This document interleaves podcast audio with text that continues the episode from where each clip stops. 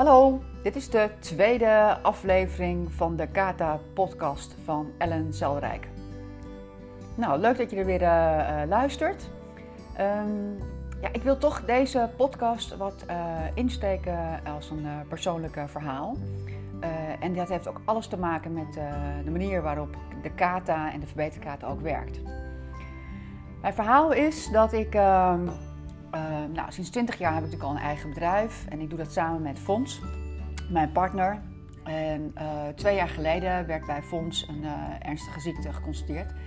Hij kreeg namelijk kanker. Nou, dat is natuurlijk voor heel veel mensen die dat meemaken, is dat vreselijk. je hoort het natuurlijk elke dag, iedere dag weer. Maar ja, dus bij ons was het dus ook het geval.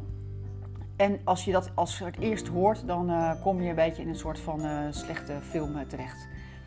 Je weet echt niet wat er op dat moment uh, met je gebeurt. Uh, je komt in een soort van uh, rollercoaster terecht. En nou ja, je, je wordt opeens geconfronteerd met allerlei chemotherapieën, behandelingen. nou ja, ziekenhuisbezoeken, noem het maar op. dus dat is best een, een, was een lastige tijd. Het is inmiddels alweer bijna twee jaar geleden dat het voor het eerst is ontstaan. En nu eh, zeggen ze natuurlijk altijd van, uh, ja, je, je bent natuurlijk niet alleen ziek. En als je een partner krijgt uh, die ziek wordt, dan uh, word jij natuurlijk eigenlijk ook een beetje ziek, want je gaat erin mee.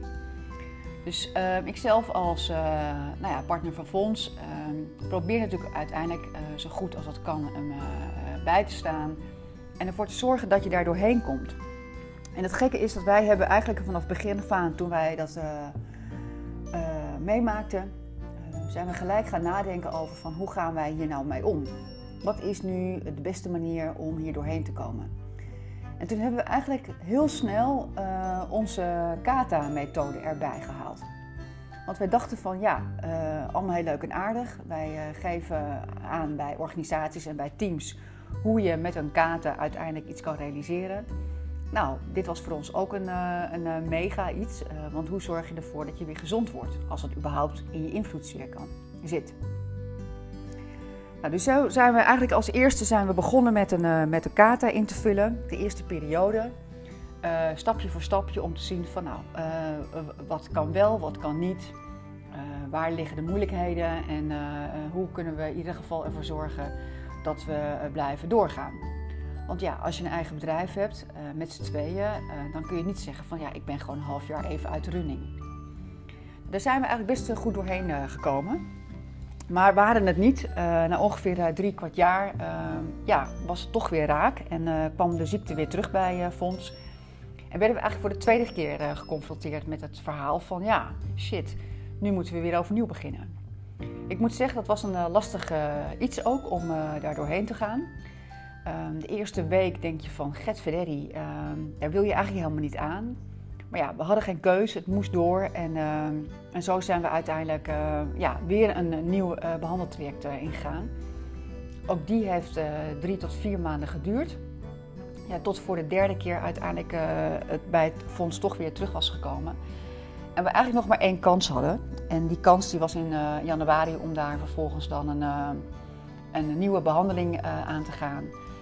En ehm, nou ja, om te kijken of dat, uh, dat ging werken. Nou, gelukkig is dat dus uh, goed gegaan. Uh, het is nog maar heel recent, dus hij zit nu nog in, volop in, in ziekenhuisbezoeken en dat soort zaken.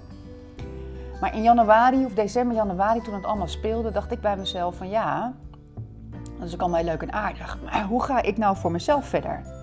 En toen kwam die kata weer om de hoek. Toen dacht ik van ja, maar wat, is, wat, wat wil ik? Waar loop ik tegenaan? En wat heb ik nou nodig om wat er ook gebeurt, uiteindelijk door te gaan. toen heb ik besloten voor mezelf om een, uh, om een training te gaan doen. Uh, dan zou je denken, ja jeetje, je hebt toch andere dingen aan je hoofd. Uh, waarom zou je dat in hemelsnaam gaan doen? Maar voor mij was het gewoon een, een belangrijke stap, omdat ik met mijn bedrijf, want inmiddels was Fons daarin afgehaakt, van, ook vanwege zijn ziekte, ik wel zelf door moest. En ik wilde daar gewoon nog steeds iets goeds van maken en daarin uh, resultaten blijven behalen.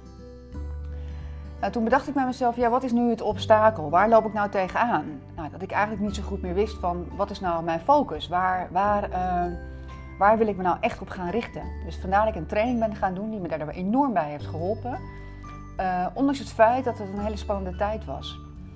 Dus als je iets meemaakt en je kijkt iedere keer weer van oké, nou ik maak het mee. Maar moet ik me dan ook helemaal stil gaan staan? Of moet ik me dan helemaal uit het veld geslagen voelen? Ja, dat hoeft dus eigenlijk niet. Hoe lastig dat soms ook is. Maar je moet wel zorgen dat je uiteindelijk voor jezelf keuzes blijft maken. En die niet alleen goed zijn voor jezelf, maar natuurlijk ook goed voor, voor je partner is. Um, en het bijzondere is dat als ik dat doe en ik ga ervoor, dan krijgt hij ook weer een boost om te zeggen van ja, potverdikkie, ik ga er ook weer voor. En kan er weer dingen uithalen voor hem. Nou, waarom ik dit vertel is omdat um, uh, de methode van Kata, het is niet zozeer een, een, een, methode, maar het is eigenlijk een manier van hoe je met de dingen om kan gaan. En ieder jaar, iedere keer weer kijken naar van oké, waar sta ik nu? Wat wil ik? Doe ik de juiste dingen?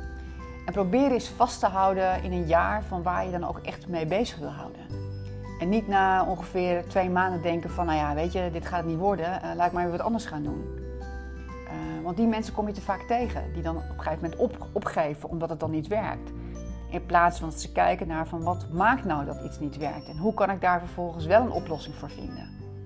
We leggen het te vaak buiten onszelf neer, terwijl er heel veel mogelijkheden zijn, juist om het wel aan te gaan. Nou, en ik hoop ook echt dat als je daar meer van wil weten, we geven daar natuurlijk allerlei tips voor en, en workshops voor. En dat kun je kijken op onze website van de teamontwikkelaars. Maar bedenk eens voor jezelf, waar sta ik nu? Uh, heb ik, heb ik, zit ik in een moeilijke fase? Heb ik tegenslag? Of uh, zit het juist heel erg mee? Maar heb ik voor mezelf uh, voor ogen wat ik eigenlijk wil, wat mijn uitdaging is. En het hoeft allemaal niet in strakke dingen of in, uh, maar gewoon voor jezelf bedenken van ja, wat wordt nou mijn volgende stap? Want hoe meer je er bewust van bent, hoe meer je ook daar invloed op kunt uitoefenen. Op een ziekte als kanker kun je geen invloed uitoefenen, maar je kunt wel uh, uh, voor jezelf bepalen hoe je ermee omgaat. En in die situatie is het juist belangrijk dat je een bepaalde focus vasthoudt.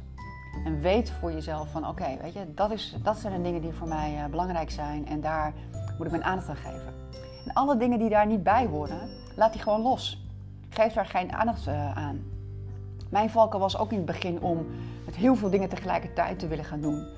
Ik moest dan uh, werk en, het hele huis, de omgeving, alles wilde je op een gegeven moment aanpakken. Maar dan vergeet je gewoon waar je eigenlijk het meeste energie van krijgt. En dat laat je, ook ik, laat dan eigenlijk gewoon liggen. En dat is zonde.